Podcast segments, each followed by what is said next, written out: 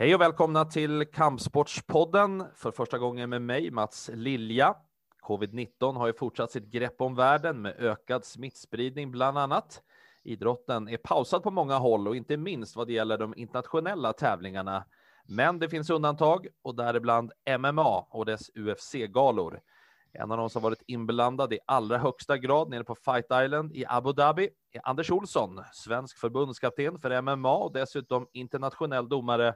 Varmt välkommen hit Anders. Tack, tack, tack, tack. Du var nere i Abu Dhabi fem veckor. Du gjorde fem galor. Det är en väldigt lång tid. Det är väldigt lång tid att vara borta, absolut. Eh, men eh, man får passa på. Det finns ju som sagt inte så mycket att eh, som är igång så att det är ju väldigt kul att UFC lyckas bygga de här bubblorna. Covid-säkrade bubblorna kan man ju säga eh, så att vi ändå kan fortsätta med sporten. Hur är det att vara på plats och döma med tanke på hur det ser ut i världen? Eh, nej, men det, det är coolt. Det är imponerande där de har lyckats bygga i Abu Dhabi faktiskt. De, Eh, det är ju det är ett ganska litet område vi befinner oss på som är själva Fight Island. Som är the, the, the safe zone då. Där är det ju ingen kommer in och ingen kommer ut. När man väl, har, när man väl är där så är det ju eh, man får göra två tester. Coronatester och så är man isolerad i 48 timmar på rummet innan man får röra sig fritt i den här safe zonen då som är ganska liten så att eh, eh Nej, det är en speciell känsla. Man är ju liksom. Man är ju inlåst, men man är inlåst på ett väldigt trevligt ställe. Är du orolig själv när du är där? Nej, alltså det där är nog det säkraste stället du kan vara på i världen. Det, det, liksom fin, det finns ju inte corona där, så det finns inget att vara orolig för. Vad gör man om dagarna? Man eh, gymmar lite. Eh, man går till stranden Eh, ligger vid poolen. Eh, jag hade ju med dator och så där så jag kunde jobba lite. Med företagsgrejer och, och, och sånt, landslagsgrejer och, och, lite sådär på platsen då. Så att eh, ja, sen var vi ju fler svenskar där nere. Vi var ju fyra svenskar den här gången.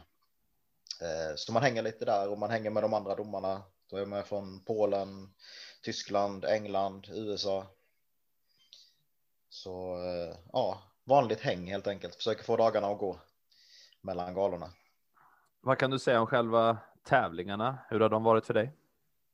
Ja, de har varit eh, kanon alltså. Det är ju, det är riktigt bra kvalitet på, på de korten de presenterade. Eh, kickade ju igång med, med två titelmatcher eh, och eh, på UFC 253 hade Sanja Costa och det var eh, Reyes Blakovic. Och sen hade de lite fight night galor emellan tre stycken som också var jäkligt bra kvalitet faktiskt. Det var grym underhållning. Och sen så avslutade de ju då med Khabib Gaethje. Va, vad tar du framförallt med dig från de här galorna?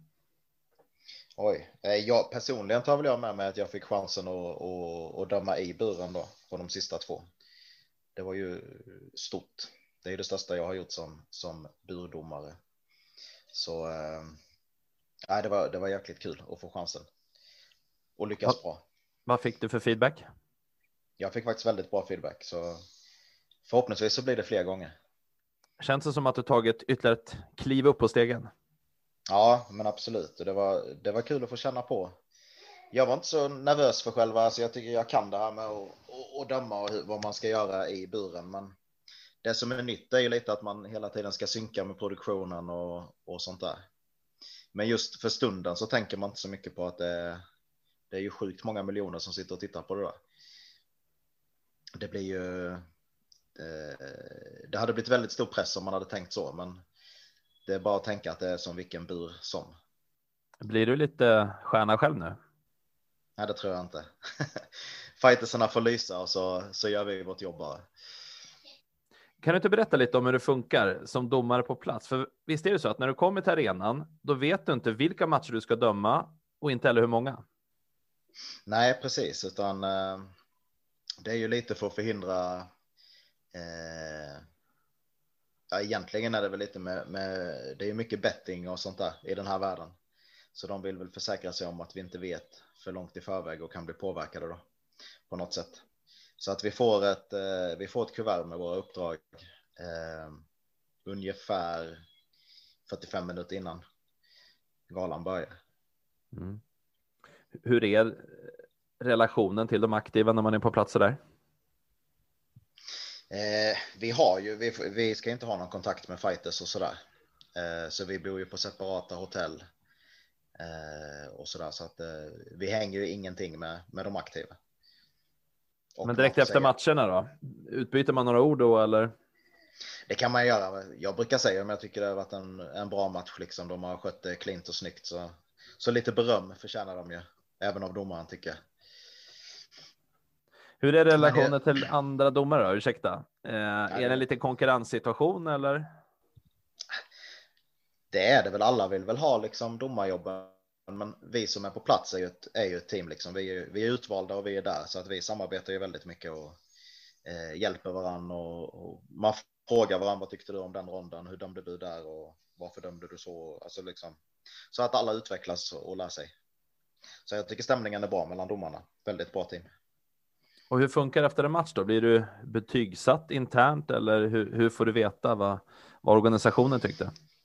Vi har ett möte efter, eh, beroende på vilken tid. Nu var det ju mycket jobba natt eh, den här gången, förutom sista galan då. Så då brukar vi ha ett möte en eller två dagar efter där man går igenom om det har varit någon split decision, hur man har tänkt och vad man såg liksom.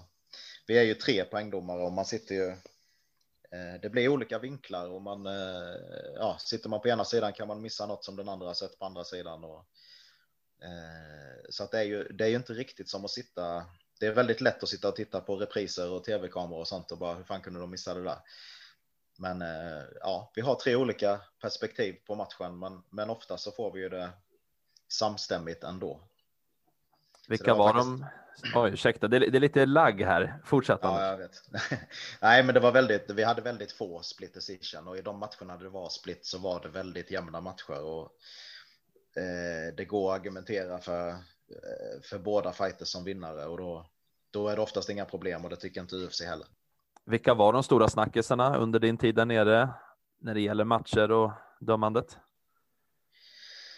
Eh, jag vet att det blev sista nu, han eh, Smiley Sam. Eh, jag budömde ju den. Han mötte han, korean tror jag. Där blev lite, det, det blev en split draw på den. En mm. domare hade Da On Jung va? Precis, precis, stämmer bra det. En domare hade ju honom och en hade Sam och en hade 10-9, 10-9 och sen 8-10 så att det blev lika då. Och det, jag, som sagt, när man är i buren så är det svårt att tänka poängdomarmässigt, så jag fokuserar ju på andra grejer då. Men det var en väldigt jämn match, så, så jag har inga problem med att se den som lika. Var det någonting som eh, kändes helt nytt för dig, något som överraskade? Nej, det skulle jag väl inte säga. Så detta var ju min andra omgång på, på Fight Island. Jag var ju även där i, i juli då, på första. Eh, men det är ju väldigt udda på så här stora galor att det är helt tyst där inne. Bruce Buffer står och skriker som man alltid gör och så blir det ingen respons alls där inne. Så att eh, det är udda känsla så men eh, lite avskalad känsla. Jag tror inte man upplever det på tv på samma sätt riktigt. Men eh, ja, tv-tittare märker ju också såklart att, att det inte är publikljuden och, och jubel och så där liksom. Men men det blir ännu mer avskalat på plats tror jag. Hur agerar du under match? Går du in i din egen bubbla eller låter du dig svepas med av tempot eller hur försöker du tänka? Nej, där är det ju väldigt mycket fokus. Det, ju, det går ju så himla snabbt eh, grejer. Man måste se träffa knäna i magen eller träffa dem under. Eh, fingerpetningar, allt, allt, allt måste man vara med på och sen hela tiden hålla rätt vinkel så att man ser båda fighters och sådär så att man inte står och får se ryggtavlan på den ena och och liksom knappt se den andra och sånt utan nej, det är fullt fokus där det är bara att, att haka på. Om du jämför UFC-galorna med den så att säga dagliga verksamheten inom svensk MMA, hur är kontrasterna då? Eh, alltså egentligen när man är där inne så är det ju egentligen bur som bur. Det är samma uppgift du ska göra. Eh, jag kommer, stå, kommer förmodligen stå i Nyköping nästa helg eh, i svenska MMA-ligan och, och det är ju samma tänk egentligen. Alltså, eh, för de här amatörfightersna så är, kan ju vara deras viktigaste match så det gäller ju att göra lika bra jobb där och då. Och det bygger, det bygger erfarenhet. Det är samma beslut man ska ta oavsett om det är lite andra regler, får inte knä i huvudet och sånt där som man ska tänka på då också. Men eh, i övrigt så tycker inte jag det är så stor skillnad vilken bur du än är i, utan det är samma jobb som ska göras ändå. Regeringen är ju på väg att lätta lite grann kring eh, publikrestriktionerna. Påverkar det svensk MMA tror du? Det tror jag, för då är det ju faktiskt möjligt kanske att jag har ju min egen gala Excellence. Eh, Fighting Championship och vi. Eh, ja, det är omöjligt för oss att göra en gala med 50 pass, men kan man öka upp till 300 så går det ju faktiskt att göra med. Med lite sponsorer och vippbord och sånt där. Så då är det, det är görbart i alla fall. Sen får man se om man ändå vågar. Det kan ju ändras ganska snabbt. Sen har de ju också eh, även att de har, har höjts till 300 så har de ju lagt hårdare restriktioner på Uppsalaområdet och Skåne, vilket eh, gör att man egentligen kanske inte ska anordna tävlingar eh, i de områdena överhuvudtaget. Om vi eh, flyttar tillbaka till den eh, internationella scenen då. Eh, tänkte vi kunde prata om några svenska fighters som är aktuella. Så tänkte jag att du i egenskap av förbundskapten kan få ja, men komma med lite tankar och funderingar. Om mm. vi börjar på damsidan till exempel. Panik Jansad, eh, hur är mm. status där?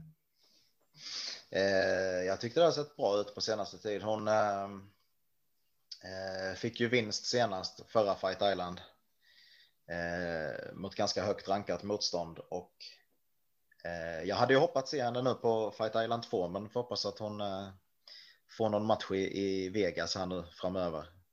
Och får hon inte det så, så vill jag se henne på Fight Island 3. Hon är ju på väg uppåt eh, och klättrar fint där, topp 10. Lina Länsberg. Lina Länsberg har jag förstått är gravid. Eh, när jag har kollat sociala medier så, eh, så där är väl lite paus, men eh, hon har ju gjort också fina resultat innan dess och jag har också förstått det som att hon eh, ska tillbaka efter det. Så att eh, en liten paus här och få en lilling och sen är hon tillbaka i buren tror jag. Bea Maleke då? Eh, skulle gått på Fight Island 2 nu, men eh, blev sjuk har jag fattat. Så jag tror inte det var en skada, jag tror det var sjukdom. Eh, så det blev ju inget där, så får hoppas de eh, styr om det till Vegas kanske. Hon är väl i USA om jag har fattat det rätt, väldigt mycket i alla fall. Kanske inte är det just nu, men hon tränar mycket där borta så att det borde vara lätt att få in en match i Vegas. Om vi ser till här sidan då så gjorde Alexander Gustafsson comeback i juli, förlorade då mot Fabricio Verdum. Hur är hans status idag? Eh, det är egentligen inget att säga så mycket om det. Hamnar man på backen med, med Verdum så, så förlorar de flesta. Han är ju superelit på backen. Så det är egentligen bara nya tag där tycker jag. Eh, antingen tungvikt eller kanske ner nu och börja kämpa för bältet i, i lätt tungvikt. Khamzat Chimaev debuterade 16 juli, har ju tagit ett par spektakulära segrar efter det. Vad säger du om hans höst? Eh, den är spännande. Han är ju inbokad 19 december mot eh, Leon Edwards och eh, en, en kille som passar honom bra. Han är allround men har ingen spets riktigt och jag tror att Kamsat kommer plocka ner honom och, och smasha som vanligt. Han siktar på de stora matcherna. Det gör han och jag tror att vinner han den där lika dominant så, så kan han vara aktuellt direkt för titelmatch. Kanske att han behöver gå en topp fem match till, men eh, han är nära. Och vi måste väl nämna Goram Kotataladze också, som debuterade för några helger sedan. Det gjorde han mot jättetufft motstånd. En 17-0 polack som dubbelmästare i KSW. Den stora polska organisationen och eh, han gjorde det jättebra. Jämn match, vann på split decision där. Eh, men jag tyckte det var rätt beslut. Han gjorde mer skada i det stående. Han blev nedtagen några gånger, men han scramblade upp bra så jag tyckte det såg jättebra ut. Han var inte så nöjd själv efter matchen såg det ut som, men jag tycker han ska vara stolt över sig själv och eh, jag tyckte det såg jättelovande ut. Hur står sig svensk MMA just nu? Grymt bra tycker jag. Och hade det inte varit corona så tror jag UFC hade fixat en gala ganska omgående i Sverige. För vi har många namn som kan bära upp en gala här. Vi hade sålt slut. Ja, vilken arena som helst i Sverige tror jag. Och hur ser det ut för dig den närmsta tiden i egenskap av förbundskapten?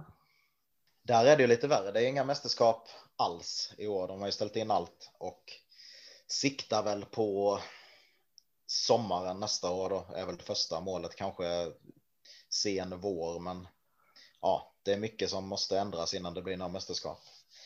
Till exempel så har vi ju man måste ju coronatesta sig innan man ja, ska ut och flyga och det kostar ju 2 2000 spänn ungefär.